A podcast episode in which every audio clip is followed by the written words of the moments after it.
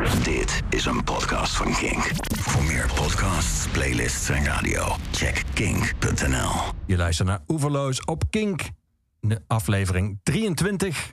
En Oeverloos wordt je aangeboden door de muziekgieterij, het grenzeloze muziekpodium. En mijn gast in Oeverloos zat hier slechts twee jaar geleden ook al... om toen te praten over zijn nieuwe roman. En ik ben blij dat hij wat terug is om te praten over zijn allernieuwste roman. Martijn Simons, welkom terug. Dank je. Leuk. Snel. Ja, klopt. ja. Ehm, En eh, als, ik, als je nu tegenover mij zat met een eh, essay of met een eh, novelle, zou ik het nog begrijpen. Maar je zit tegenover mij met een vuistdikke nieuwe roman. Slechts Ja. twee jaar later. het is weer bijna 500 pagina's geworden. Ja, Ja. het ging eh, rap. Ik weet ook niet. Ik heb er niet. eh, ik heb er ook nog best wel veel geschrapt. Dus het is niet alsof ik dat ik minder kieskeurig ben geweest. Ehm, Maar zit naast alle ellende dan de baat van corona? Of heeft dat helemaal niets mee te maken? ik denk het wel. In het begin in ieder geval wel. Want ik ben in de zomer van 2020 begonnen. En toen was natuurlijk nog niet zoveel te doen. En eh, we hadden, ja, die hebben nog steeds een kindje. En zij was in februari van dat jaar geboren. En eh, toen waren we nog wat minder mobiel dan nu. Bovendien sliep zij al, nou niet altijd, maar ze sliep nog drie keer per dag, weet je wel. En ik heb eigenlijk dat hele boek geschreven op de momenten dat zij eh, overdag sliep. Dus telkens in blokjes van ongeveer twee uur. En dat werkte. En ik wist, ja, weet je wat, wat, wat volgens mij zo goed eraan was voor mij? Ehm, daarom is het ook zo goed dat ik niet alleen maar schrijf, maar ook lesgeef. Dat ik weinig tijd had. dus ik moest gewoon beginnen en ik kon niet denken... Precies. Ik kon niet zeggen, oh, ik ga nog even opruimen of de was of weet je wel, allemaal andere dingen die eigenlijk niet zo belangrijk zijn. Gewoon, ik wist twee uur, nu eh, knallen en daarna is het ook klaar. Ja. Je had geen tijd om te wachten tot de goddelijke muze zich tot jou en wende. ik, ik had eerst ook allemaal ideeën over, ik, ik kan alleen maar 's ochtends schrijven, tussen, ergens tussen 9 en 1 en daarna is het echt op, weet je wel. Allemaal niet waar. Gewoon, als het kan, dan ah, beginnen. En, Ja. ja Ook een interessante eh, les dit. Dat dat Zeker. allemaal gecultiveerd is. Ja, dus ja, al die zogenaamde allemaal- rituelen. Ja, en- dat praat je jezelf allemaal aan. In ieder geval, ik wel, ja. ja, ja. Nee, ik moest er, ik moest er laatst weer aan denken, want ik zat eh, oude eh, VPRO Marathon interviews terug te luisteren. En eentje daarvan is met Thomas Rozenboom. En hij is soort van de Uber-uitsteller. Ehm, en hij vertelt op een gegeven moment dat hij pas dat hij zo lang aan het uitstellen was dat hij pas nou, rond een uur of negen s'avonds eindelijk begon. Waardoor hij weer heel lang eh, doorwerkte. Waardoor hij weer extra laat opstond. Waardoor het alleen maar erger en erger. En hij zei geloof ik ook zoiets van... Ik benijd mensen met kinderen, want die hebben ritme en die moeten... Nou, toen dacht ik, ja, precies. Je hebt helemaal gelijk. Ja. Ja. Ook wel een grappige zin, want meestal mensen met kinderen hebben ook gebroken nachten en eh allerlei dingen die daarmee, weet je, ook qua ritme klopt daar ook in ieder geval in verhouding met hun leven voor het kind ook niet meer zoveel van. Dus het is wel een ritme, maar ook wel een heel raar ritme vaak. ja, maar die gebroken nachten vielen dus heel erg mee. Ja, Na een paar maanden was dat, weer, eh, was dat weer voorbij. En toen ben ik eigenlijk begonnen. En doordat we dus de hele tijd met het kind waren... en doordat er niks te doen was... ging ik ook nooit uit of laat of te veel gedronken, weet je wel. Nee. Ehm, dus kon ik, was ik ook altijd fit om eh, meteen aan het werk te gaan. ja. Ideale voorwaarden voor een roman schrijven. Eigenlijk wel, Geen ja. sociaal leven. Ja, ja dus ik, ben, eh, ik vrees voor het volgende. Het gaat waarschijnlijk heel lang duren nu. Ja. Ja. En, eh, en Heidelberg, ja, nieuwe roman, staat een, eh, ja, ik zou bijna zeggen, een, een. Ik zal het even samenvatten. In de, in de, ik, laat, ik laat het samenvatten door de vader in het boek.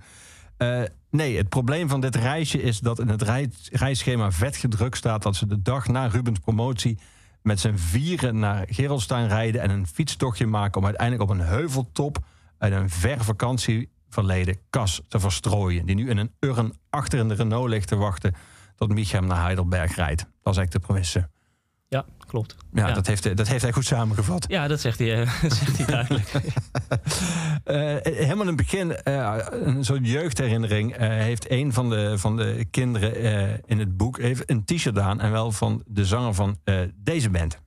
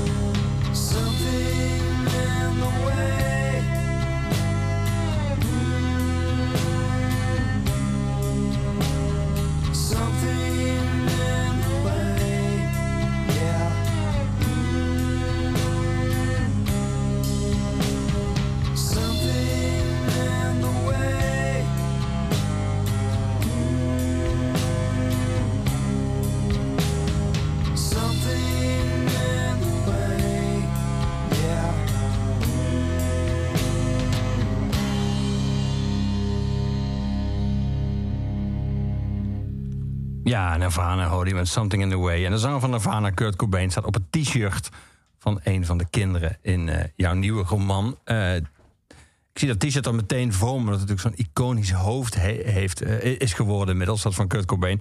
Is te vergelijken een beetje met zo'n hoofd als van Jay, bijvoorbeeld, die soort uitgegroeid is tot een soort van, bijna, het is natuurlijk bijna een soort flauw eh, grap op internet, dat als mensen met een t-shirt lopen van een band, dat je dan naar ze toe rent en zegt, name three songs, om Ja, te checken ja. Of, ze, of ze ook meer weten dan alleen maar het hoofd. Ja, nou, ik was wel. Ik had zo'n t-shirt. Veel te groot. Ik denk dat ik toen een jaar of. eh, het is echt grappig dat je nu dat je dit. eh, ik was vergeten dat het in het boek stond. Ik zal vertellen waarom het grappig is. Want ik had zo'n t-shirt. Ik was denk ik elf of zo. Een veel te groot zwart t-shirt met heel groot zijn hoofd en eronder de data, Ja, de jaartallen. Ehm, en die, daar, is er, daar is een foto van. Ehm, en die foto is gemaakt in Tsjechië tijdens een ehm, soort tennisuitwisselingskamp. En ehm, ik zat nu te denken ehm, aan een nieuw eh, romanidee. En dat moet daar eind jaren negentig in dat Tsjechische dorpje gaan spelen. Dus ik vind het heel grappig dat je dit nu... ja, ik zie nu deze foto voor me. En Ja. dat is ook een beetje het vertrekpunt voor het nieuwe idee. Ja, dus Ja. ja dus dat, dat shirt had jij echt aan. ik had hem, ja. Ja, want hem, dat beschrijf ik in het boek dat met die data daarbij, de geboorte en de sterfdata. Ja, het is een beetje een. ehm, ja, ik weet niet, als je een elfjarige met zo'n. Het is een beetje gek ook. Ehm, ik zag, ik, toen ik die foto laatst weer tegenkwam. Eh, Ja, echt gewoon een klein kindje eigenlijk. Met een, en dan die, dat hele grote. Dat shirt was natuurlijk ook veel te lang. eh, een beetje een soort jurkje was het. Dat, dat hele grote hoofd van Kurt. Met, Ja. met die vettige pieken haar. En die, die, die, die priemende ogen eronder. Ja.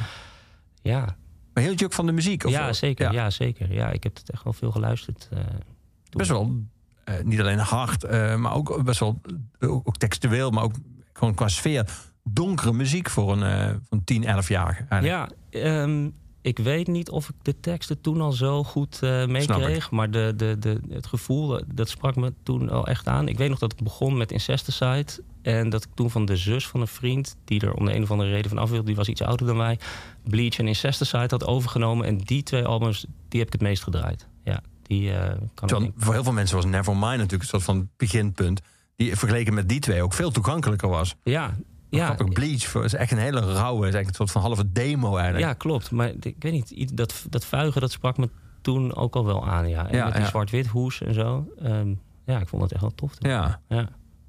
Het idee, het, het grondidee voor, jou, eh, voor je nieuwe roman. Met, met eh, de familie Wagenaar, met die vader eh, Willem en de moeder is Annette. Dan heb je twee zoons, Micha en Ruben. En eh, je hebt de overleden zoon Cas. Eh, en ze, gaan, ze zijn eigenlijk onderweg eh, voor, zoals ik net die vader liet beschrijven, voor het, het afscheid, het verstrooien van de as. Eh, en on- onderweg blijkt, en zeg maar, natuurlijk met allerlei flashbacks en wisselende perspectieven van de leden van de familie, dat ze nogal wat te stellen hebben met, met elkaar en met zichzelf. Zeker, ja.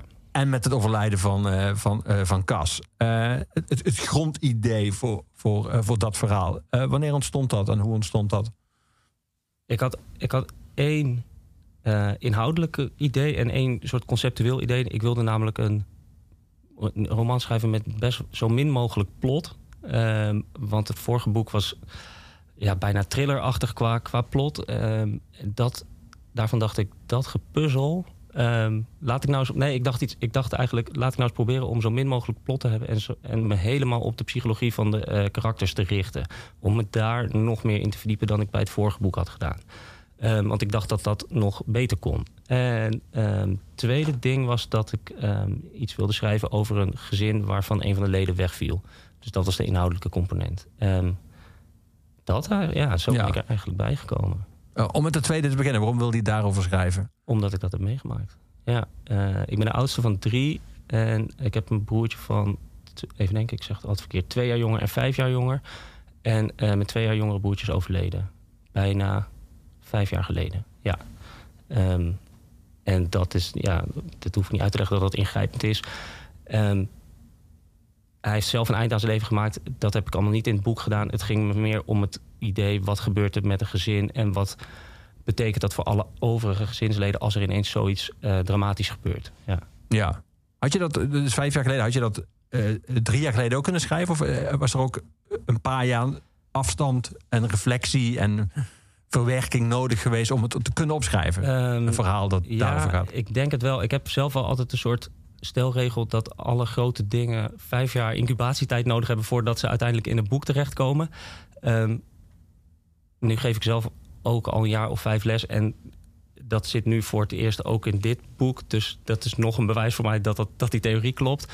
Ehm, en in het vorige boek, mijn broertje was ook ziek en zo. En daar, daar heb ik in het vorige boek weer heel veel dingen van gebruikt. Dus dit is dan eigenlijk de volgende stap. En ik denk wel dat het klopt dat ik daar wat tijd voor nodig heb. Ja. Het is niet dat ik het expres niet... Het, ja, dat loopt. Dus dat gaat zo, ja, eigenlijk. Ja. En dat, dat eerste, die eerste eh, st- stap richting dit boek, het eerste zeg maar, het denken over eh, wat je ook anders wilde dan bij je, bij je vorige roman. Je zegt, ik wil iets minder met, met een plot bezig zijn. Ik wilde meer ruimte geven aan de psychologie van de, van de hoofdpersonen. Eh, ik herinner me uit jouw vorige roman dat de psychologische eh beweegreden van de hoofdpersonen speelde ook een, een grote rol. Maar er zat ook heel veel het zei ook heel veel over onze tijd en over eh, politiek en over macht en wat macht met mensen doet. En het, het was ook een ideeënroman Ja, eigenlijk. klopt. En Het ja. was, ja, het was een ideeroman, het was een tijdsbeeld. Ehm, dat, wat dat betreft is dit boek kleiner. Ehm, wat een beetje gek is om te zeggen van zo'n Dik boek. zwaar, ja, van, van zoveel pagina's. En het is ook helemaal niet gelukt om er niet veel plot in te verweven. Alleen het, het basisprincipe gezin gaat naar Heidelberg, dat is simpeler kan het niet. Weet Nee. wel? En dat is, dat, heb, dat is me wel gelukt om dat te handhaven in ieder geval. Maar goed, omdat ik elk gezinslid alles laat vertellen. eh, niet alleen het eigen leven, maar ook het leven ten opzichte van alle andere karakters. En dan telkens ook weer dezelfde dingen vanuit verschillende perspectieven. Ja, wordt het automatisch weer een kluwe. En nou ja, dan wordt het groot en Ja. ingewikkeld. Ja. En dan moet je goed nadenken. Ja. Maar is het of-of, vind je? Wil je zeggen al zelf, van de- uiteindelijk een plot, de- ja, ontkom je kennelijk niet aan. Eh, dat, dat leg ik me ook wel voor je pleit als schrijver. Maar eh, als je heel veel wil zeggen over onze tijd en onze samenleving, gaat dat dan uiteindelijk ten koste van bijvoorbeeld de psychologie van de hoofdpersonen? Nee, niet per se. Nee, niet per se. Alleen het ging, het ging me meer om het uitgangspunt. Ehm, natuurlijk wil je het allemaal goed doen. Alleen ik had, hiervoor had ik me de opdracht gesteld om nu juist van extra, extra op die psychologie te zitten. Ja. Dat was het een beetje. Ja.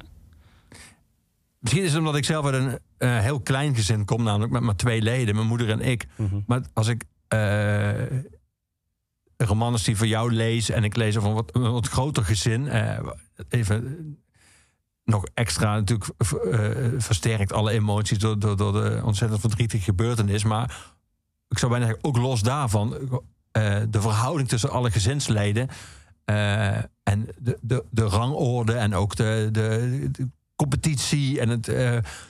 ik dacht wel toen ik oh, het is toch ingewikkeld, een groot gezin. Is ook, je, hebt, je hebt je tot elkaar te verhouden. Je, bent, je hebt een bloedband. En je, je weet dat je voor altijd met elkaar verbonden zult zijn. Al, al zou je bij wijze van spreken het contact opzeggen, dan nog is, is het iemand je broer of je zus of je vader eh, eh, of je moeder. Eh, maar het is ook wel echt heel ingewikkeld. Het is ook ingewikkeld, ja, zeker. Ja, je hebt helemaal gelijk. Maar ik denk ook, ehm, wat er voor mij denk ik ingewikkeld was vroeger... was dat we drie jongetjes waren. Ja, Ehm, als, het, als het verdeeld is, heb je hele andere dingen natuurlijk. Ehm, maar een soort super competitiedrang die eh, kleine jongetjes kunnen hebben onderling... dat is misschien minder als er ook nog ergens een meisje tussendoor loopt. ja. Ehm, Je schrijft weer over, je wist het, ik zei dat van perspectief. Dus je gaat altijd vanuit eh, iemand anders. eh, ga je, schrijf je één hoofdstuk. Op een komt een hoofdstuk over Ruben. En dan schrijf je, dan zegt hij, hij dacht wel eens dat hij om die reden was gaan promoveren. Niet om het onderwerp, niet omdat het onderwerp hem bovenmatig inspireerde. Of omdat de eh, universiteit als zodanig zo'n inspirerende, uitdagende omgeving was. Maar vooral omdat een proefschrift en vooral de titel die erbij hoorde, twee dingen waren die helemaal van hemzelf zouden zijn. Hij was de eerste en de enige van de familie Wagenaar. En eh, dat zou wel zo blijven. Hij was, voor zover ik kon bedenken, de enige manier om ervoor te zorgen dat ze hem serieus namen. Micha had zijn roman, Cas was dood en binnenkort had hij zijn dokterstitel. Ja, dat is heel kinderachtig. Maar zo werkt het Maar heel mij wel. Ja. precies. Ja. Ehm, ik, ik, kan me ook wel, ik kan het me ook wel voorstellen. Ja. Het is, dit, het is, ja, je weet, het is een beetje afgezaagd, maar je hoort toch altijd... eh, ehm, als mensen in therapie of in familietherapie gaan of zo... dat heel veel dingen zijn terug te voeren op de rol die je als kind in het gezin innam. Dat, je daar, dat het eigenlijk heel moeilijk is om die rol die ja, waar je helemaal niet voor hebt gekozen, die is ontstaan als kind, om daar nog van af te komen, om die eh, om te draaien of om een andere plek in te nemen. Ja. Daarom vond ik het ook zo interessant om te kijken wat er gebeurt als je ja, eh, min of meer gedwongen wordt om, een- om die positie te herijken als er een gezinslid wegvalt. Ja, Ja. Even laat je de moeder A- Annette zeggen... eh Micha, het spijt haar een beetje, maar ook al niet heel veel. Ze kan niet anders dan eerlijk zijn. Micha is niet de knapste van haar drie zonen. Dat is Ruben. Micha is ook niet per se de slimste of de grappigste. Dat is Cas. Was Cas. Die had het gepresteerd met een paar jaar zowel te trouwen... weliswaar met een vrouw die haar, daar moet je ook eerlijk in zijn... nooit echt bij het gezin zou passen. Hoe- Hoezeer Annette ook haar best deed om haar met open armen te ontvangen... En daarna vader te worden van een prachtig zoontje... dat ze helaas te weinig ziet, zeker nu Cas er niet meer is. Ze ziet haar oudste zoon in alles wat het jochie doet. Het idee is natuurlijk, het soort van, het soort van ideaal... of hoe je het hoort te zeggen als moeder is... dat alle, en als vader ook, dat alle kinderen je even dierbaar zijn... dat ze allemaal even belangrijk en even geslaagd zijn. Maar no way. Ja, natuurlijk niet. Ja, nee, dat geloof, dat, ja, dat geloof ik ook niet. nee, Ehm, ik geloof wel dat ouders dat willen vinden. Ehm, en ik geloof dat ze, dat ze oprecht vinden dat ze evenveel van hun kinderen houden. Maar je, ontkomt toch niet aan voorkeur? Ehm, en misschien heb je bij het ene kind een voorkeur voor dat en bij het andere voor dat. Dus het niet de een per definitie boven de ander. Maar ja, natuurlijk.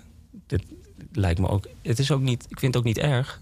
Eh, ik vind het ook wel grappig. Het is alleen die kinderen die snappen dat op een gegeven moment ook. En die gaan zich er. Die moeten zich daar ook toe verhouden. Of die gaan zich daar anders door gedragen. Of andere dingen doen. Of juist.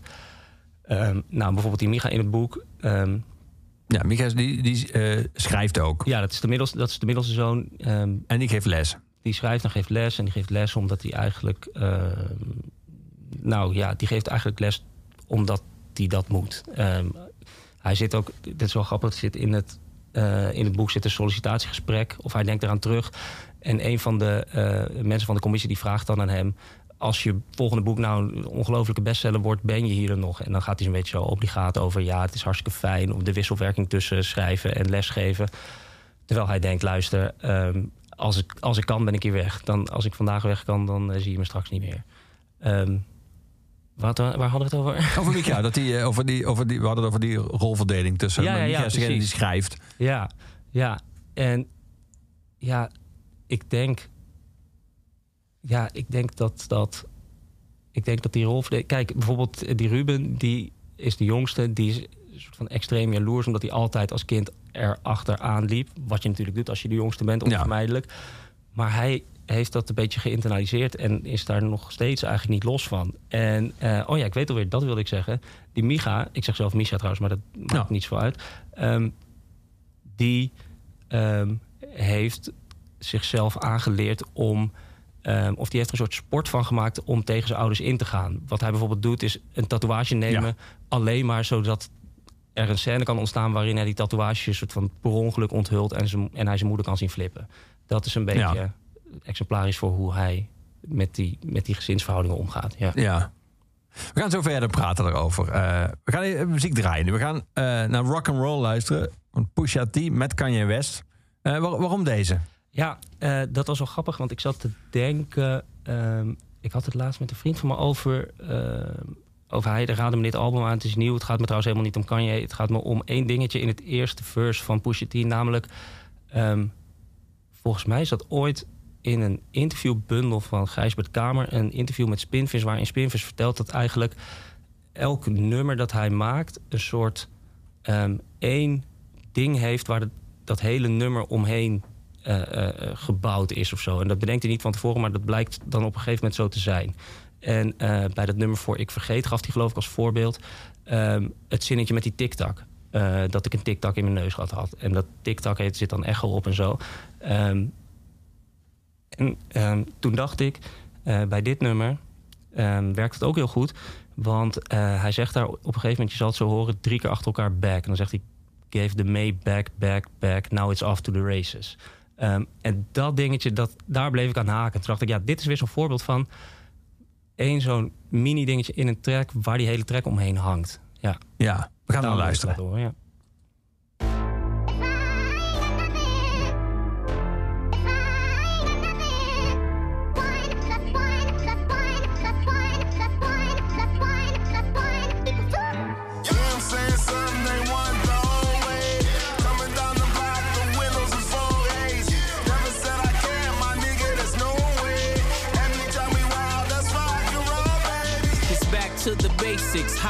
In the matrix. Gator made back, back, back. Now it's off to the races.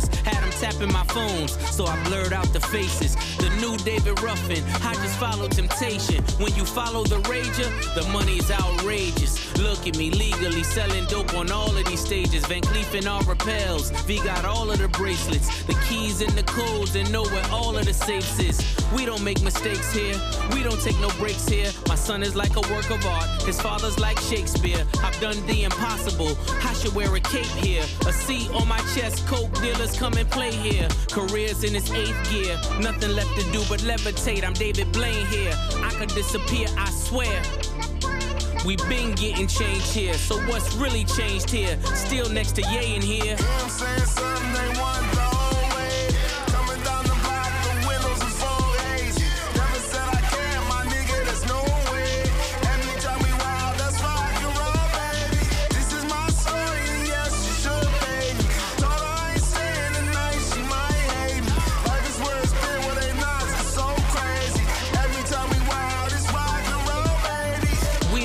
click taking risks, touching lives, fuck your hits. Touch the skies when you rich. Every drop make 'em blitz. I done drove every six. I done glowed every wrist. Every plot got a twist. When you sink a battleship, I'm confused by your list. Who are used to convince all the mules that I sent? What I miss? I've been getting at these coins as I'm breaking down a brick. Made the jump to each level. Super Mario exists. All the spoons that were bent, all the fumes through the vents. I don't care what they do. This ain't that, that ain't this. I'm the trap, I'm the fix. I'm the broker, I'm the joker in the deck.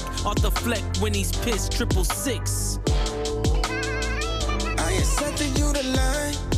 All the time, selfish thinking you was mine. I showed up, then you arrived. I thought I could turn the tide. How I make it through the shine, get to you and die.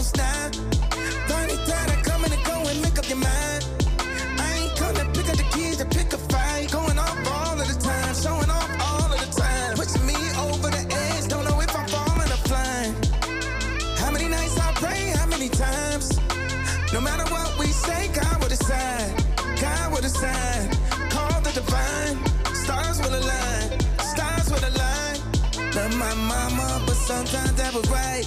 Take his hand, hold on with all of your might. When you're lost in the light, call on the light. Follow the signs. Walk in the shine.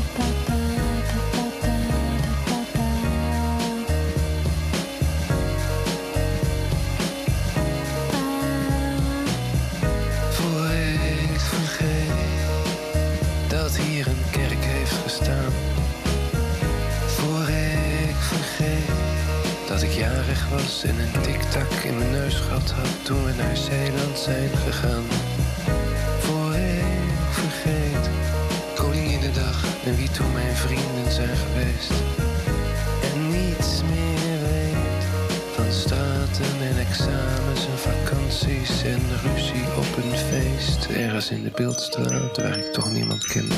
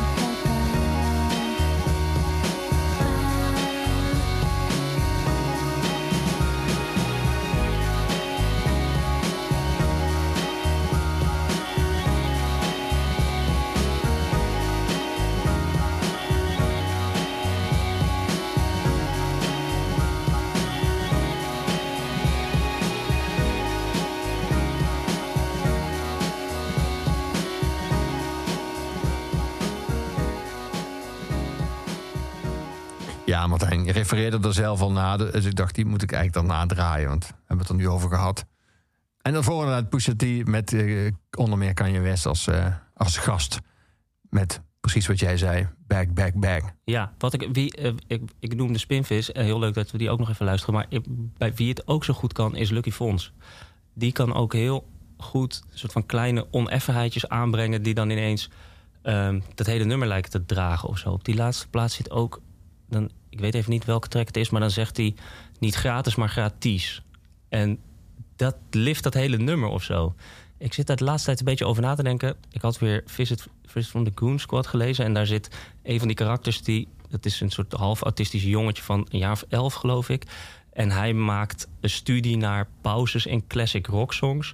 En ik weet niet meer... Ja, het is heel grappig, het is, in, het is heel grappig inderdaad. Maar ik zat... Toen dacht ik, ja, kan ik niet een soort stuk schrijven over dit soort imperfecties die juist eh, nummers stillen. En toen dacht ik, dan kan ik het ook ophangen aan Brainpower. Want Brainpower is technisch een extreem goede rapper, maar ik heb hem altijd heel saai gevonden. En dat, ik denk nu dus dat het komt omdat het te perfect is. Ja, te ja. netjes, er zit nergens een randje of zo. Het klopt, het, hij gaat nooit uit, eh, uit de flow. Het gaat nooit uit de maat. Het is allemaal helemaal precies zoals de bedoeling is. Dus daar zit ik nu, daar zit ik nu ineens over na te denken. Daarom had ik ook dat Pusha T ding meegenomen. Ja, het is een mooi, eh, mooi stuk in, denk ik. Ja, ik ben, ja, het gaat nog even duren, maar Ja. Gelukkig voor Brain Power dat het nog even gaat duren. je zei het net al, Micha of Micha, hoe je hem ook kon noemen. Ik noem hem dan Micha. Eh, als Micha in een echt sardonische bui is, meestal laat in de avond, meestal na een aantal drankjes, stelt hij zich soms, bij wijze van gedachte-experiment, de belachelijke vraag wat zijn moeder erger vindt. De dood van haar oudste zoon of de besnijdenis van haar enige kleinzoon. Hij weet dat het onzin is, dat Kast natuurlijk met stip bovenaan staat, maar het blijft een prettige exercitie omdat het op de grote lijst der verschrikkingen, waarop zijn moeder, dat weet hij zeker, alles bijhoudt wat haar kinderen haar in de loop der jaren hebben aangedaan, die ook wel niet zo gek ver onder het overlijden van zijn broer is gerangschikt. Hij schat de positie van Aziz besnijdenis ergens tussen Cas dood en zijn eigen tatoeage. Ja. Ook dit is natuurlijk extreem kinderachtig, Ja, maar heel menselijk. het is, eh, kijk, die Misha is gewoon nog een beetje een puber. Ja. Dat is eh, het probleem. En hij, Hij reageert ook heel kinderlijk als eh, we even het, hij en zijn vrouw erachter komen dat het niet heel makkelijk zal zijn om zw- zwanger te raken. En dan heeft hij is dat hele, ook hele egoïstische, want het gaat meteen over hemzelf. Reactie. Hij zegt dat ik dacht, je hebt gewoon seks. En dan, ja, hoe raken al die tienermeisjes in godsnaam zwanger als het allemaal zo extreem ingewikkeld is? Dat klopt toch niet? En dan zijn vrouw ook heel boos van, is dat wat jij dacht? Je dacht aan, aan tienermeisjes? Je moet er nu om lachen. Ik moest er ook keihard om lachen. Eh, dat is natuurlijk wel bijzonder aan jouw roman. Er zit heel veel tragiek in, maar ook, het is ook, ook komisch, omdat het ook zo ongemakkelijk is eh, en zo lelijk ook. Ja, nee, ik vind het tof dat je dat zegt, want eh, ik hoor het. Ik, had niet per se. Ik heb wel scènes geschreven waarvan ik wist: dit is wel grappig, of dit vind ik zelf grappig om te schrijven. Of het was. Ja, had er plezier, eh, ik had er plezier in om het zo op te schrijven. Juist om sommige scènes extra ongemakkelijk en dat dan een beetje uit te rekken. Eh, maar ik hoor nu dus, eh, nu de reacties komen, dat veel mensen het echt grappig vinden. En daar ben ik heel blij mee. Ja, want ik denk dat het ook wel een beetje lucht geeft in die. ja, het is natuurlijk wel. Het thema is natuurlijk best wel zwaar. Ja. Ehm, dus ja, ik vind het tof dat je het zegt. Ja. Wat, ze, wat eh, de moeder op een gegeven moment, eh, die passage die ik net voorlas, als ze over eh Cas heeft, dat ze zegt: Micha is, ook, is ook niet per se de slimste of de grappigste, dat is Cas. Was Cas. Eh, herken je dat?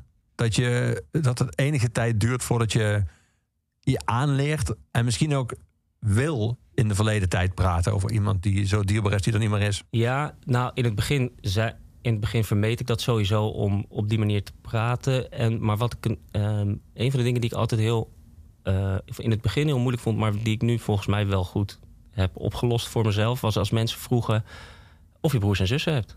Ehm, ja, oké, hoeveel heb ik er dan? Ga ik dan zeggen, ik heb er één? Ga ik zeggen, ik heb er twee, maar één is dood? Ehm, ga ik gewoon alleen zeggen, ik heb er twee? Je gaat ook niet, je gaat ook niet zeggen één. Dat is, dat is achterlijk, weet je wel. Ehm, maar je hebt ook niet altijd zin om... Nou ja, je begrijpt het hele verhaal, et Ja. cetera. Dus nu zeg ik altijd maar gewoon twee. Ehm, en als het iemand is die ik misschien wel mag... of die ik, eh, nou ja, zo, weet je wel. Ehm, dan zeg vaak vragen ze natuurlijk daarna van, zijn die jonger of ouder of zo? Ja, precies. Ja. Of wat doen die? Nee, of daarom, zeg, wonen ik- die? daarom zeg ik altijd, ik ben de oudste. Ik heb twee broertjes. Eentje is twee jaar jonger, die andere is vijf jaar jonger. Die van twee is overleden, klaar. Ja, een paar jaar geleden. En afhankelijk van wie het is. Kijk, sommige mensen die komen dan meteen met, een, met hun eigen verhaal. Of ze vragen, wat, oké, wat dan? Ehm, en ja, afhankelijk van wie het is en of ik er zelf zin in heb, ja, ehm, breid ik het verhaal uit. Ja, zo simpel, zo simpel is het eigenlijk. Maar ik moest daar wel, in het begin moest ik er wel over nadenken of ik, hoe ik dat wilde. Want zodra je het zegt, heb je niet meer zelf in de hand hoe het gesprek Nee, per se verloopt. Ehm, en dat is natuurlijk soms wel lastig. ja. Ja. Je zegt als ik zeg één, dat klopt natuurlijk niet. En, en zeker zijn klopt natuurlijk feitelijk nu wel. Alleen ja, zo voelt het natuurlijk niet. Nee, Eh, nee. dat voelt dat dan een soort van bijna verraad als je hem, als je hem dan niet noemt? Nou, het voelt, het is, eh, ja, dat is misschien, het is en een beetje verraad, maar het is ook een soort ontkenning van wie ik zelf ben. Want ehm, al mijn, in heel veel van mijn herinneringen zijn natuurlijk eh, in aanwezigheid van hem heb ik die gemaakt. Dus dan zou ik eigenlijk ook niet eerlijk zijn over mezelf. Dus dat is, ik denk dat dat ook wel meespeelt. Ja.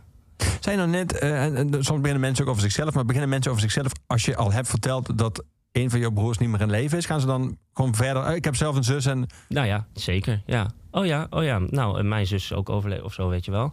Eh, maar vaker is het al. en dan, dat is ook wel. Dat vind ik eigenlijk wel prettig vaak. Als ik eenmaal heb verteld dat hij zelf een einde aan zijn leven heeft gemaakt. ehm, dan. En mensen hebben zelf ook zoiets meegemaakt. Dan zeggen ze het eigenlijk bijna altijd. En dan vind ik het ook heel prettig, want bijna niemand heeft dat meegemaakt. En dan is het ook meteen een soort diepere understanding of zo. ja, Ehm, dus dat, ik had een tijdje terug met een collega die, ehm, aan wie ik dit dan vertelde. En die vertelde toen dat eh, haar vader ook eh, zichzelf om het leven had gebracht. En toen was het ineens van, oké, ja, ehm, wij begrijpen elkaar op dit. Dat hoeven we verder niet uit te leggen of zo, weet je wel. Dus dat vond ik heel, eh, dat, vond, dat vond ik wel heel prettig. ja. Ja. En als je dat niet zegt, als je alleen zegt dat je broer niet meer in leven is, gaan mensen dan vragen: was hij ziek? Of, of kom je dan denk dan bij uit? Dan kun je het allemaal beter zelf wel. zeggen? Soms wel, je kunt het beter zelf zeggen, dat is wel waar. Ja. Ehm, maar soms eh, gaan mensen ook gewoon iets anders vertellen. Ja, prima. Ook goed, ja. Ja. Ehm, het is een beetje waar, je, waar ik zelf ook zin in heb dan. Ja. En misschien ook het ongemak, toch? Of mensen Ja, ja, zeker. moeilijk vinden om dan. Ja, ik neem het ook niet met kwalijk hoor. Ehm, ja, god, het is ook lastig om over te praten. En heel vaak weet je het ook niet. En misschien, of misschien, ja, dat, heb, dat weet ik eigenlijk niet. Misschien vertellen mensen het soms, of gaan mensen ergens anders over praten, omdat ze juist weg willen blijven van iets van zichzelf. Dat kan natuurlijk ook. Dat, Ja. weet, dat weet ik dan bijvoorbeeld niet. Nee. Dus ja, mensen hebben heel veel redenen om wel of niet er diep op in te gaan. Ja. Val me op dat je dus de, de term zelfmoord ni- niet gebruikt zelf. Je, je gebruikt wel langere... Ja, ja, of- ja, ik zeg het eigenlijk niet zoveel, omdat ehm, ik vind, en in het geval van mijn broertje ook, dat het niet. Kijk, moord heb je over nagedacht, et cetera. En in dit geval ehm, is het, voor zover wij dat hebben kunnen reconstrueren, een soort ah, bizarre opwelling geweest. Ehm, dus dan vind ik het een beetje oneerlijk om zelfmoord te gebruiken. Ja. Ja. En zelfs doodslag bestaat niet. Nee. Nee. nee. En je kan ook, het is ook gek om te zeggen, hij is door zelfdoding om het leven. Dat klinkt ook niet. Dat weet je klinkt- wel? nee, dus ja. dan krijg je een soort rare, bijna een soort tot slaafgemaakte achtige, weet je wel. Dat voelt ook een beetje. Het klopt, het klopt wel en het is goed om te zeggen, maar het voelt ook een beetje geconstrueerd. Ja, ja. Dus dat, ja, dat is het een beetje. Ja. Eh, eh, Nu je het zo vertelt, denk ik, je moet inderdaad ook daarna even los van al je alle emoties die erbij komen, wat natuurlijk heel veel zijn. En ook wat je in het begin beschreef, en ook in relatie tot je roman. Een soort van opnieuw, een soort van herschikken van de posities in het gezin. Heb je ook nog een soort van taalkwestie die er dan mee te maken heeft, inderdaad. Hoe ga je het, ga je het vertellen? Hoe ga je het vertellen? Welke woorden gebruik je ervoor? Mhm. Ja. Ja, klopt. Ja, nou, daar had ik natuurlijk niet over nagedacht van, van tevoren. Ja, dat blijkt. Ik wist ook helemaal niet dat. ehm, soort van de officiële manier om hierover te praten. Ik heb hulpverleners en zo en professionals zeggen nooit zelfmoord bijvoorbeeld. Ehm, ik denk dat ik dat wel wist, maar daar had ik eigenlijk, had ik eigenlijk nooit bij stilgestaan, weet je wel. Ehm, dus dat soort dingen ga ik dan, moet ik dan ineens ook over nadenken. Ehm, dus nu doe ik het op deze manier. Ja. Ja. En wat natuurlijk veranderen. Stel, jij zou, we zouden dit gesprek voeren en dan zouden het uitwerken in een krant. Dan zou onder dit Ja, interview met jou, waar deze passage in zit, er zou een, een soort disclaimer staan. En Ja. heeft hij zelf gedachten over zelfdoding, bel dan 113. En dan, dat is toch echt veranderd. Zeker, ja. Maar dat is alleen maar goed. Ja. Heb je niet ook... Volgens mij heb je bij Amerikaanse podcast wel eens een soort... Ja, van die trigger warning-achtige eh, dingen. ehm, ook met audio. Ik heb dat geloof ik wel eens gehoord. Ja. ja. Dus het bestaat... Ja, het bestaat wel. Ja, ja. Ik weet niet of dat voor... Voor, voor, ah, voor dit, voor zo'n gesprek nodig is. Maar voor de krant, ja, voor de krant is wel goed. Ja, Ja, en het is algemeen geaccepteerd. Ik zie het altijd staan. Ja, ook maar iets daarna refereert, staat meteen dat eronder. Dat heeft iedereen gewoon overgenomen. ja klopt. Ja. We gaan muziek draaien. Want we gaan luisteren naar eh, het nummer Moorden naar Hasselen. Eh, waarom deze? Eh, dit is Ezra Collective. Ja, Eh, met Novelist samen. Ja, zeker. Nou, ehm, ik hou heel veel van die nieuwe Engelse eh, jazz. Dat vind ik heel tof. Ik heb eh, de toetsenist hier van Joe Armand Jones... een tijdje geleden in Utrecht gezien op Transition Festival. Ehm, een paar maanden geleden, in maart geloof ik. En er zit, ehm, dat vond ik er wel leuk aan... Solo. Eh, ja, met zijn eigen band. Ah. Ehm, ja, hij heeft... Die, jong, ja, die mensen doen heel veel projecten. Jazz, hè? ja, ja, Ja. precies. en de, de vader in het boek, die luistert veel jazz. En, Ja, heel veel. Daar gaan we het eh, daar nog over hebben. Precies. En wat hij luistert wordt door die zoon Misha... als een soort van niksige middle-of-the-road jazz Ja. eh, eh, omschreven. En hij zegt geloof ik ook ergens in het boek... dat de dingen die nu voor jazz doorgaan door zijn vader... waarschijnlijk niet als jazz worden herkend. Nou, en dit is daar zo'n voorbeeld van. Ja. Dit is met veel dub-invloeden. En nou ja, je zal het wel horen. ja, we gaan dan luisteren.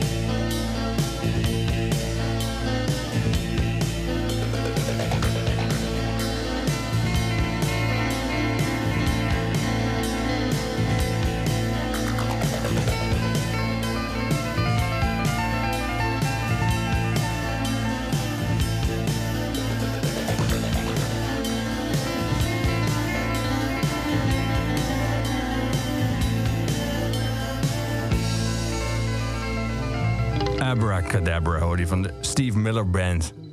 Ook die zit in jouw roman, Martijn. Want de motor van de Laguna draait stationair. Radio 2, de voorkeurzender van zijn ouders, speelt Abracadabra van de Steve Miller Band. Het is eigenlijk een heel lang nummer, valt me nu op. Een heel raar middenstuk voor de gitaarsolo. een soort van freaky... Ja, je vergeet het omdat, eh, omdat het refrein eh, natuurlijk altijd voor in je hoofd ligt. Ja, klopt. Ik had er zelf eigenlijk, ja, toen we er net zaten te luisteren, dacht ik, ja, dit is gek. Ja, ik weet ook niet. Ja, Er is ook geen- bijvoorbeeld geen radio-edit van. Dus dit was ook gewoon die versie die op Radio 2 was deze versie. ja, ja, ja. ja. Dat is dan wel weer leuk eigenlijk. Ja, Ja.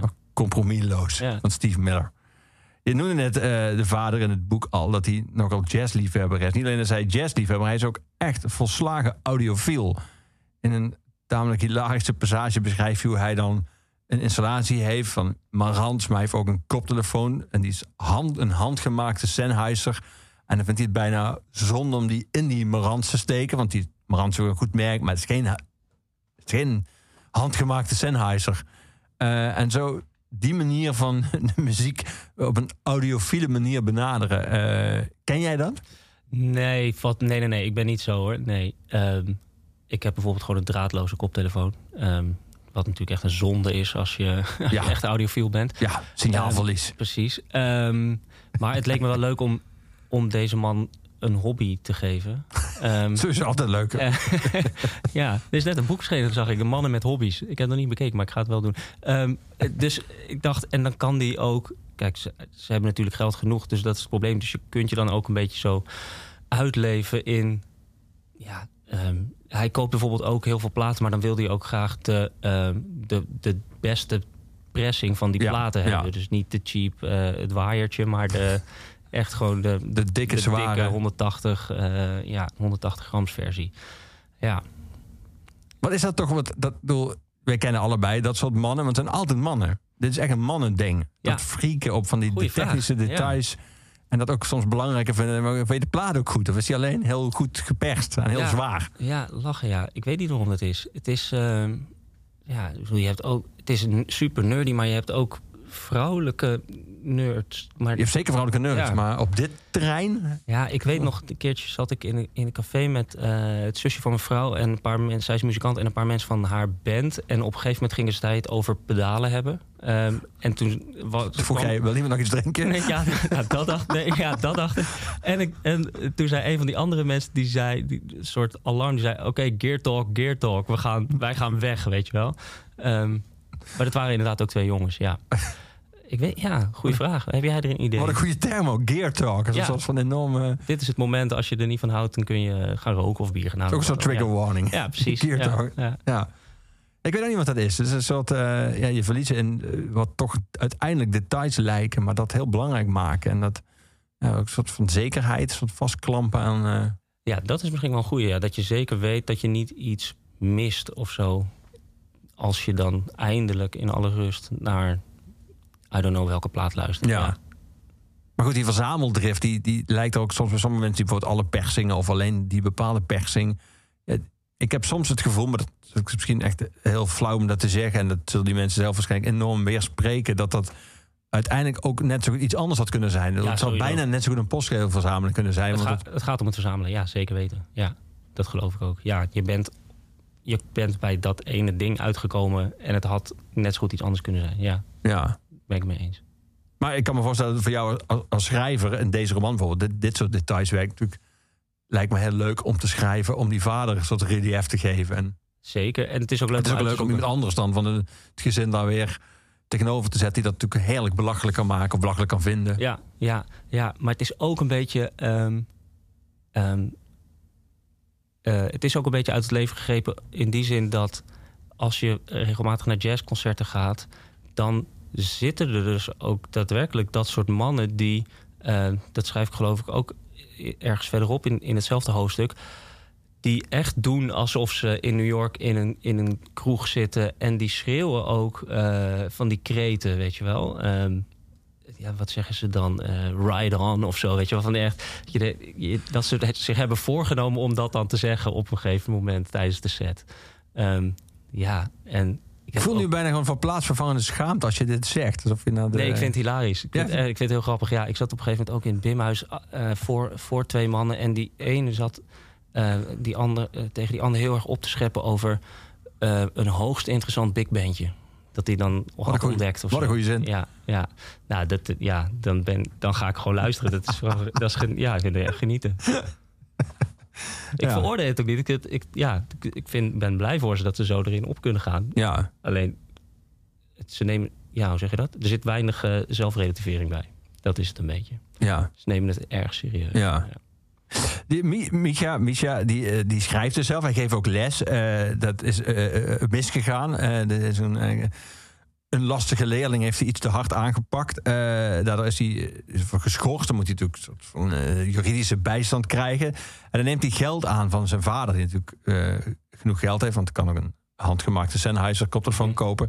Voor een advocaat. En dat voelt dan voor hem als, als een soort vernedering. Dan ben je 36 en dan moet je nog steeds papi bellen of die, of die kan helpen. Dat, dat, dat lijkt me ook een soort universeel thema in, in gezinnen. Dat je dat soort drang om los te komen van je ouders. eh, en dan uiteindelijk soms moeten toegeven. Ook mensen die dan na een scheiding dan even bij hun ouders moeten gaan wonen. Of die geld moeten lenen. Dat is ook sprake van in jouw boek. Van, eh, om even weet je, te kunnen verhuizen of overwaarden. Of heel veel mensen komen natuurlijk kom je weer bij je ouders terecht. Met een soort van gevoel van shit man. En ik dacht dat ik op mijn achttiende soort van dit allemaal zelf kon. Ja, nou wat ik daar, zo goed, wat ik daar zelf wel, eh, waarom ik het ook zo gemaakt, zo geschreven heb, is dat hij zelf helemaal niet ziet dat het eigenlijk heel fijn is dat het überhaupt mogelijk is. Ja. Ehm, in plaats van dat hij, ehm, kijk, hij geeft heel veel af op die ouders, ehm, maar hij zou er nog erger aan toe zijn als hij niet op ze zou kunnen afgeven. Dat Ja. is het een beetje. Ja. En zijn tragiek is dat hij dat niet zo goed ziet. Of dat hij denkt dat hij daar boven staat of zo. Ja. Hij, vindt, hij, hij is veel minder zelf, zelfstandig eigenlijk dan die, dan die denkt te zijn. Ja. Ja. Ja. Had je ze, die twee ouders en die eh Micha en Ruben, had je die meteen zo eh, karakterologisch bedacht? Of zijn ze als schrijvende aan het boek, eh, hebben ze karaktertrekjes erbij gekregen die je zelf toen je begon aan het boek nog ook niet verwacht had? Nou, ik heb wel. Ik, ik, ik heb best wel veel dingen erbij bedacht, omdat, ik, eh, omdat ik ze echt tegen elkaar af moest zetten. Maar wat ik in ieder geval in eerste instantie al had bedacht, was dat voor die ouders zou gelden dat, ehm, dat, ze, dat een van de kinderen hun favoriet is. Ja. Eh, dat had ik bedacht. Maar bijvoorbeeld die jaloezie van Ruben, het jongste kind, dat heb ik er. ehm, ja, dat heb ik gewoon eh, ja, bedacht omdat ik hem meer relief moest geven. En iets moest hebben wat hem de hele tijd aan de gang houdt. En waarin je. wat echt zijn rol definieert in dat gezin. Ja. Dus dat soort dingen. Dat heb ik eerst bedacht voordat ik het opschreef. De meeste dingen ontstaan min of meer tijdens het schrijven. Maar eh, toevallig dit heb ik echt bedacht. Ja. Ja. Hoeveel scheelt het dan? eh, ik weet niet of je dat al als denkoefening überhaupt ooit hebt overwogen. Als een van die kinderen eh, een- een dochter zou zijn geweest. Nu is de moeder natuurlijk de enige vrouw in het gezin. Zou de dynamiek totaal anders zijn geworden als, eh, een, als een van die twee zonen een dochter was geweest? Ja, denk ik wel. Weet ik wel zeker. Ehm, bij mijn vorige boek had ik expres eh een van de vertellers eh, was, een, was een jonge vrouw. Ehm, en ehm, ik wist gewoon dat het voor dit boek nodig was om het drie jongens te laten zijn, omdat je anders ehm, heb je een soort natuurlijke bonding, of tenminste, dit zou je kunnen suggereren, of dat zou je mogen verwachten, tussen de moeder en één of misschien wel twee van die dochters. En nu is die moeder echt een beetje geïsoleerd. Ja. En dat vond ik wel, dat had ik wel nodig. Ja. Ehm, omdat zij dat zelf ook heel lastig vindt. Ja. Ja. Ja. Maar voor mijn volgende boek ga ik weer een, eh, een, een, dochter eh, gebruiken. Ja, heb, ik al, heb ik al bedacht. Ja. Miste je dat, ja? Wat zeg je? Miste je dat? Eh, ja, want ehm, je kunt heel veel dingen ook niet beschrijven. Of je hebt, ja, wat je zegt, je hebt gewoon zo'n andere dynamiek. Ja. En het is ook juist leuk om. Je loopt tegen de beperking van mannen aan. Precies, ja. En het is ook, ehm, ook op een bepaalde manier een beetje... Ja, saai is niet het goede woord, maar op een gegeven moment heb je het wel gezien. Dan weet je wel, oké, dit zijn al die jongens en ze doen zo. Ehm, laten we kijken of we het nog spannender kunnen maken... door er een dame aan toe te voegen. Ja. ja. Ja. We gaan muziek draaien, Martijn. Poepa Jim, zeg je dat goed? Ik heb geen idee. Ik weet dat het Frans is. Ehm, verder weet ik er eigenlijk helemaal niks van. Nou, mooi. Dan gaan we het gewoon draaien. Ja. Hoe, ken, hoe ken je het? Ik ken het omdat ik... even denken, op een gegeven moment had je Steve McQueen met die vier of vijf films. En in die tweede film zit een eh, heel tof dubnummer van The Revolutionaries. Eh Kunta Kinte, dub heet de track. Ehm, en ik heb die track op een verzamelaar. En ja, als je dan door gaat zoeken en honderd keer klikt... dan kom je op een gegeven moment... Op een gegeven moment ontdekte ik dit Poepa Jim. Ja. ja, je mag, ik weet niet hoe je het uitspreekt eigenlijk. Ja, Op een verzamelen bedoel je op een afspeellijst? Op, eh op, ja, op, ja, precies. Ja. Ja. Zo Grappig dat je daar de term voor gebruikt hier. Voor, voor albums of, of voor bandjes. Ja, ja, ja.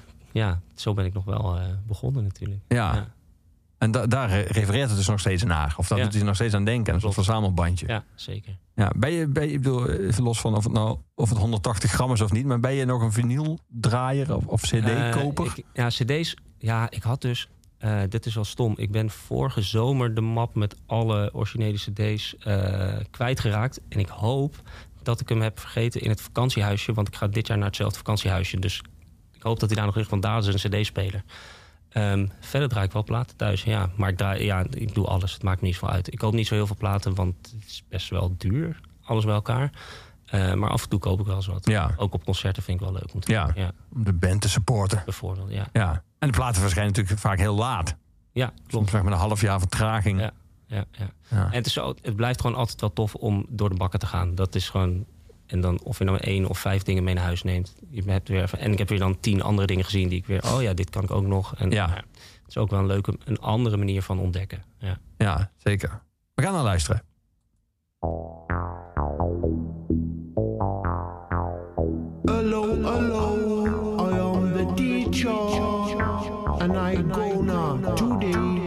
Teach you the story of Dobodog. Dobodog was created in a dungeon by a man man called Slim Jim from the dungeon. But let's start with the definition by the man called Slim Jim. I am the madman from the fucking dungeon. Musically mad, I come to give the lesson. To split one Heineken in a session. Now I am ready to give you definition. D U B A D U B. It's a motherfucking style that will boom the country. D U B A D U B. Doba dope versatile in all the party. Stay Night Patrol is a champion son. Muscadis play in all situation. Stay Night Patrol is a champion son. Muscadis play in all situation. It's not a game, it's not a fashion, not a way of life, it's just a fucking sun. So listen now, each and every row. If you wanna play dubba dub, play low. D U B A D U B. It's a motherfucking style that will boom the country. D U B A D U B. Dubba dub versatile in a all the party.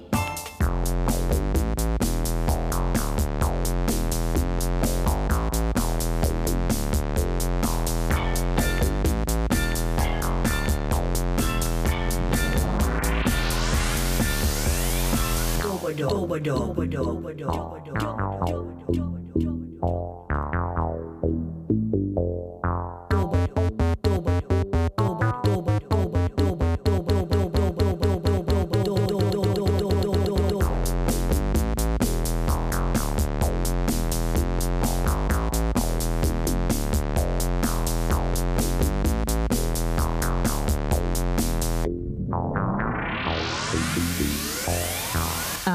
am the madman from the fucking dungeon. Musically mad, I come to give the lesson. To split one Heineken in a session. Now I am ready to give you definition. D U B A D U B. It's a motherfucking style that will boom the country. D U B A D U B. Doba dope versatile in a all the party. Night Patrol is a champion son. Muscat is playing all situation. Night Patrol is a champion son. Muscat is playing all situation. It's not a game, it's not a fashion, not a way of life, it's just the fucking sun. So listen now, each and every row. If you wanna play Jobado, play low. D U B A D U B. It's a motherfucking style that will boom the country. D U B A D U B. Dobado versatile in a all the party.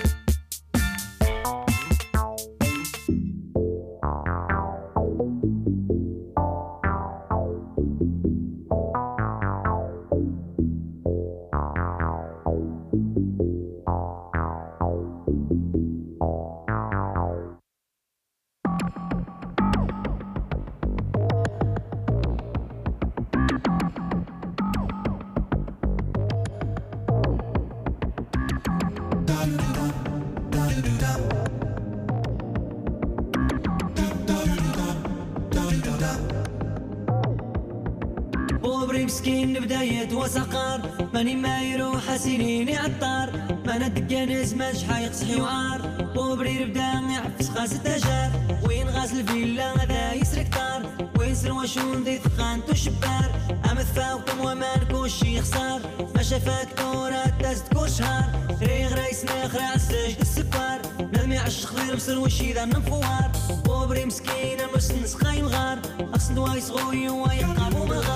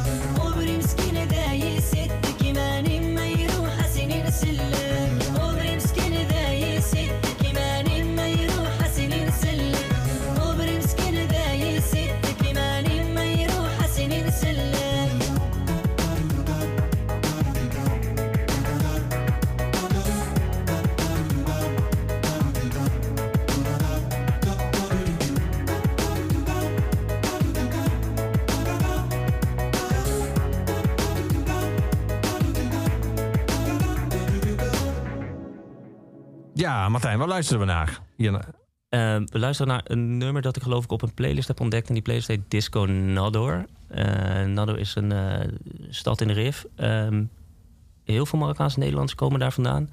Ehm, en het is Berber gezongen. En ik heb me laten vertellen dat betekent, de titel van het nummer is Arme Jongen. Ehm, het is een beetje. Volgens mij is mijn schoonmoeder heeft het ooit een soort van live zitten mee vertalen. Het gaat over een jongen die volgens mij iets doms heeft gedaan met een meisje. Ehm, althans, hij wilde dat mij. Hij heeft niet iets geks gedaan met haar, maar hij wilde haar en het lukte niet. Het is een, daarom is het een arme jongen. Ja. Zielepiet is het een beetje. Ja. ja. Want jouw jouw geliefde is Marokkaans, eh, van even Marokkaanse achtergrond, van Marokkaanse afkomst. Dus ik kan me voorstellen dat jij heel veel nieuwe muziek hebt geleerd door haar. Ja, jij- zeker. Heel veel. Ehm, ja, ik wist eigenlijk helemaal niks. En ehm, doordat zij vaak dingen opzet... ehm, en er een beetje dingen over vertelde... zo van wat voor soort muziek het is... of bij wat voor gelegenheid het dan gedraaid eh, wordt... eh, ben ik het zelf ook... Ik moest wel een beetje moeite doen om het te gaan waarderen... want het is echt andere... Ja, hoe moet je dat zeggen? Ehm, ander, bijna een ander concept van muziek of zo. Ehm, in het begin vond ik veel dingen een beetje corny. Veel van die melodieën en zo. Maar eh, ik ben er echt een beetje ingegroeid. Dus nu, hou- ja, nu hou ik wel van veel. Ik ben niet, helemaal niet heel erg in thuis hoor. Maar eh, ik heb wel een playlistje zelf ook met eh, nou, veel van dit soort dingen. En ook meer traditionele dingen. Maar ik weet bijvoorbeeld niet. Soms dan heb ik een nummer ontdekt. En dan laat ik het aan eh, mevrouw horen. En dan zeg ik oh ja, dit nummer, dit is echt een classic van dit en dit. Weet je wel. Ehm, dat, dit- verder, ik weet er verder niet heel veel van af of zo. Nee, ik, vind nee. het wel, ik vind het wel een verrijking dat ik nu ook dit soort, ehm, dit soort muziek nog gaan waarderen. Ja. Ja. En andersom, als jij haar liet horen in het begin van... oh, kijk, dit is dus Kurt Cobain, waar ik als 11-jarige een Ja, heel maar groot dat kent zij natuurlijk ook. Ik bedoel, ja, zij, heeft, zij heeft gewoon meer dan ik. Ja. twee keer zo'n grote bagage Eigenlijk wel. Ja. ja. Ja. Het is niet alsof zij, eh, nee, het is niet alsof zij die dingen niet kent. Nee. En de kruisbestuiving ertussen, werkt dat? Zeg maar muziek met Ara- Arabische of Marokkaanse invloeden, eh, maar die dan ook westers is? Of... Eh, nou, je hebt natuurlijk nu heel veel in eh, Nederlandse hip-hop, eh, dat soort invloeden. En dat vind ik wel heel tof, vaak. Ja, ja. ook vaak, ja, mijn god, dat is met alles. Ehm, het is gewoon veel goedkope, trashy hip-hop nu. Maar er zijn echt wel goede dingen, ja. Klopt. Ja. ja, ja. We hadden net over, die, over de vader in het boek. eh, over jazz en over hoe belangrijk hij eh, spullen vindt. ook voor zijn, voor zijn audio. Maar het is niet alleen dat. Er is er ook een passage. Het klinkt niet bijna alsof het boek alleen maar grappig is. Maar hier moest ik ook wel heel hard om lachen. Eh, drank en voedsel. Zijn vader verstout er enorme hoeveelheden van. Schijnbaar zonder enige reserve of zonder de hete adem van de huisarts in zijn nek te voelen. Die hem bij zijn halfjaarlijkse check-up voorrekent Want al die consumptie voor zijn cholesterol, zijn bloeddruk, zijn langzaam dichtslippende aderen en nog een stuk of wat vitale en ook minder vitale organen betekent. Het is iets wat Micha zowel bewondert als verafschuwt. Zijn vader ontkenning van zijn eigenlijk lichamelijk verval is tegelijkertijd een schitterend staaltje van de dood in zijn gezicht uitlachen en een opgestoken middelvinger naar de mensen om hem heen. Eh, hoe, hoe zuinig ben jij zelf op jouw eh, lichaam? Ben jij, zit er een? Je ziet er niet heel erg Bourgondisch uit. Ben jij een Bourgondier? Ehm, nou, ik ben best wel matig eigenlijk. Ja. Ehm, ik zou heel graag heel veel uit eten willen, maar dat, dat gebeurt gewoon niet. Eh, maar als ik uit eten ga, dan ga ik wel graag eh, goed uit eten. Ehm, en verder ben ik wel. Ik ben niet zo heel eh, verslavingsgevoelig en zo. Dus dat valt. Dat, Wat prettig. Dat is best wel fijn, inderdaad. Ja. Ja, ja. en deze man, ja, dit is ook een beetje. Hoe zeg je dat nou? Ehm, ja, zo'n ma een mantype van die leeftijd die nooit die mannen hebben nooit geleerd hoe het eigenlijk moet of wat, wat het, op welke manier je eigenlijk voor je lichaam moet zorgen. Nee. En zo. Eigenlijk zou je kunnen zeggen, eh, nu je dit zo zegt, denk ik van die mannen van die leeftijd eh, waren in vele opzichten onbegrensd. Ja, zeker. Ja. Nee, ik denk ook, daarom vinden ze het zelf ook allemaal prima. Ehm, het zijn vaak de vrouwen die dan ehm, ja, eh, proberen iets aan hun verstand te peutelen. Ja. Eh, gaan En nou dus vinden ze ook dat die allemaal zeuren en zeiken. Nou ja, Ja. vaak wel. Ja, klopt. Ja, ja. Terwijl ze natuurlijk hartstikke gelijk hebben. Ja. Ja. Nee, en het is ook... Kijk, deze, deze man, deze, de- deze vader vindt ook dat min of meer dat hij recht heeft om zich te laten gaan. Want hij heeft altijd hard gewerkt Ja. en hij eh, doet het toch goed. Kind- nou ja, hij heeft kinderen grootgebracht, noem maar op. Dus waarom zou hij zich eigenlijk inhouden? Ja. Voor wie? Ja. Ja. En dat zie, ja, bedoel, dat zie je toch ook wel. Dat zie je om je heen, ja. Die, die mannen zijn er. Ja. We noemen ze boomers. Ja, ja. ja, maar ik vond de observatie van jou dat het aan de ene kant een soort van schitterend schaaltje is van de doden zijn gezicht uitlachen, maar ook een opgestoken middelvinger naar de mensen om hem heen. Want het, het heeft iets, ja, ook iets. Het is zo begonnen dat het bijna hedonistisch is, maar het is ook egoïstisch. Want je hebt ook Nou ja, allerlei precies andere dat. mensen die hopen dat je er wel nog lang bent in een, in een blakende gezondheid.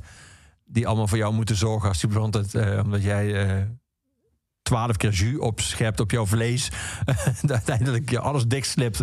Dat die de grond er misschien achteruit gaat. Ja. Nee, klopt. Het is ook zo. Het is, ehm, het is super egoïstisch. Ja. Ja. ja. En daarom is het ook... En tegelijkertijd waren natuurlijk vaak die mannen, dat type mannen die jij nu beschrijft, die vader waren ook. Die hadden ook inderdaad heel hard gewerkt. Eh, ja, is niet, die ja. kwamen thuis en die, konden het, die, die, die vonden ook dat ze dan recht hadden om zich zo te laten gaan. Die hoefden nergens meer op te letten. Dat was meer...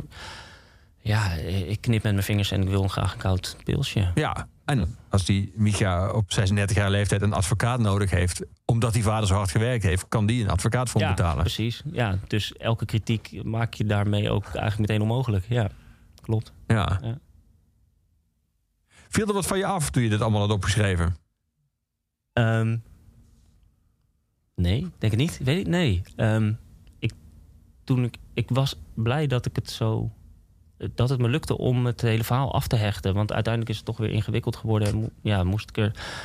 Ja, moest ik het weer alle hoofdstukken over de grond uitspreiden... en kijken hoe, hoe alle dingen zich tot elkaar verhielden en zo. Letterlijk, uitgeprint. Ja, ja, ik had gewoon eh, printjes van elk hoofdstuk... en dan op de vloer en schuiven met dingen... en kijken wat het betekent en zo. Want ik, omdat ik natuurlijk vier vertellers heb... Ja. moet er een soort ritme in zitten. Je kunt niet zes hoofdstukken achter elkaar de vader aan het woord laten. Dat, dat is onzin.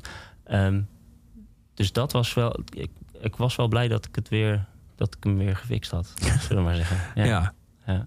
Ook wel grappig dat je, dat je bijna voorneemt van... oké, ik wil psychologisch wil ik eh, nog verder gaan dan mijn vorige roman... maar voor de rest wil ik het eigenlijk, ik zou bijna zeggen, simpeler houden. Maar dat valt dan ook wel weer eh, tegen in de zin van... dat je uiteindelijk ga je, je, je wisselt van perspectief... maar je schiet ook in de tijd. Eh, je gaf zelf aan, je hebt, je hebt te maken met het ritme... je hebt uiteindelijk een plot, je hebt, bedoel, uiteindelijk wordt het toch gewoon een, enorme constructie. Ja, zeker. Maar dat ontstaat allemaal met de, eigenlijk de eerste scène die ik schrijf. En dan vind ik het leuk om er... Voor je het weet heb je er 16 dingen bij verzonnen. En als ze, daarvan zijn er misschien 10 go- leuk of goed genoeg. En ja, die wil je dan houden.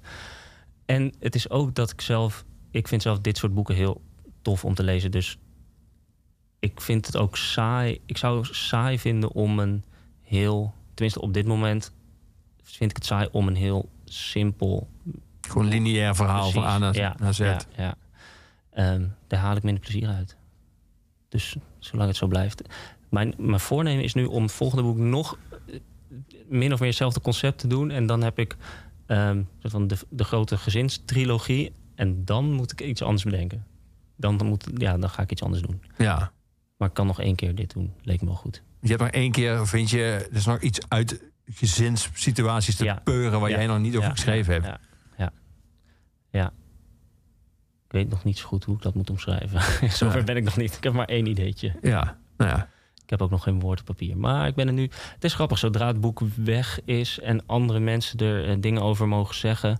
ehm, dat is het moment dat er ruimte ontstaat. Ehm, nog niet, als het, er, als het nog niet in de winkels is, dan, dan eh, nog niet. Maar nu is het voor mij, ehm, hoewel er heet het heel veel gebeurt en zo nu, ehm, wat, wat super is, ehm, voelt het alsof, oké, nu kan ik verder, weet je. Ja. ja. Ja. Grappig dat ik, ik begon ons gesprek met een soort observatie. eh, dat ik na lezen van je roman eh, dacht van, oh man, er is ook veel gedoe. Zo'n eh, zo'n groter gezin met al die verhoudingen. Maar daar hoort dan ook bij dat er ook heel veel literair materiaal in zit. Ja, natuurlijk. Ja, zeker.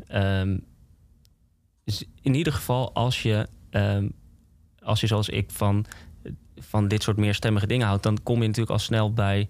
Kijk, je kan ook een vriendengroep nemen, dat zou ook kunnen werken. Ehm, wie weet, doe ik dat nog wel een keer. Maar voor nu voelt het gezin als de, ja, als de toevluchtsoord. Ja. Grappig, als je dat zegt in een vriendengroep, denk ik, ja, dat is ook mooi. Hè? En er zit ook onderlinge verhoudingen en ook competitie. Maar een vriendschap kun je opzeggen. Eh, dus er is altijd een soort van way out. Uit een gezin kom je, eigenlijk, dat blijkt eh, zeker uit deze roman, kom je nooit meer weg. Nee. Eh, Nee, daarom is het ook, daarom, daarom is het, ook het, het beste onderwerp. Ja, nee, klopt. Ja, daar ben ik het wel mee eens. Ja. Daarom ga ik het ook nog één keer doen. Ja. ja. ja dan, ik, ik, heb het, ik vermoed ook dat ik er dan op uitgekeken ben of zo. Of dat ik dan denk, oh ja, dan ga ik weer en weer en weer. En dan moet ik weer echt ja, 180 graden iets anders gaan doen. ja. Maar ja, dat zeg ik nu. Dan zie ik je over twee jaar weer hier in de stoel. Als ik, zo, eh, als ik weer zo snel kan schrijven, dat eh, zal het zijn. Ja, Dankjewel dat je er was vandaag. ja dankjewel. dankjewel. Dat je over je roman wilde praten. Heidelbergen ligt nu in iedere zichzelf respecterende boekhandel. Uitgegeven door Thomas Rapp. En eh, ik sluit af, zoals altijd, met onze postuumhuisdichter Luc de Vos met een nummer van Gorky. En ik dacht, dit is wel een leuk nummer, want we hebben zojuist dit nummer al gedraaid. Althans, het nummer met deze titel. Hier is ter afsluiting van deze oeverloos Gorky met Arme Jongen. Als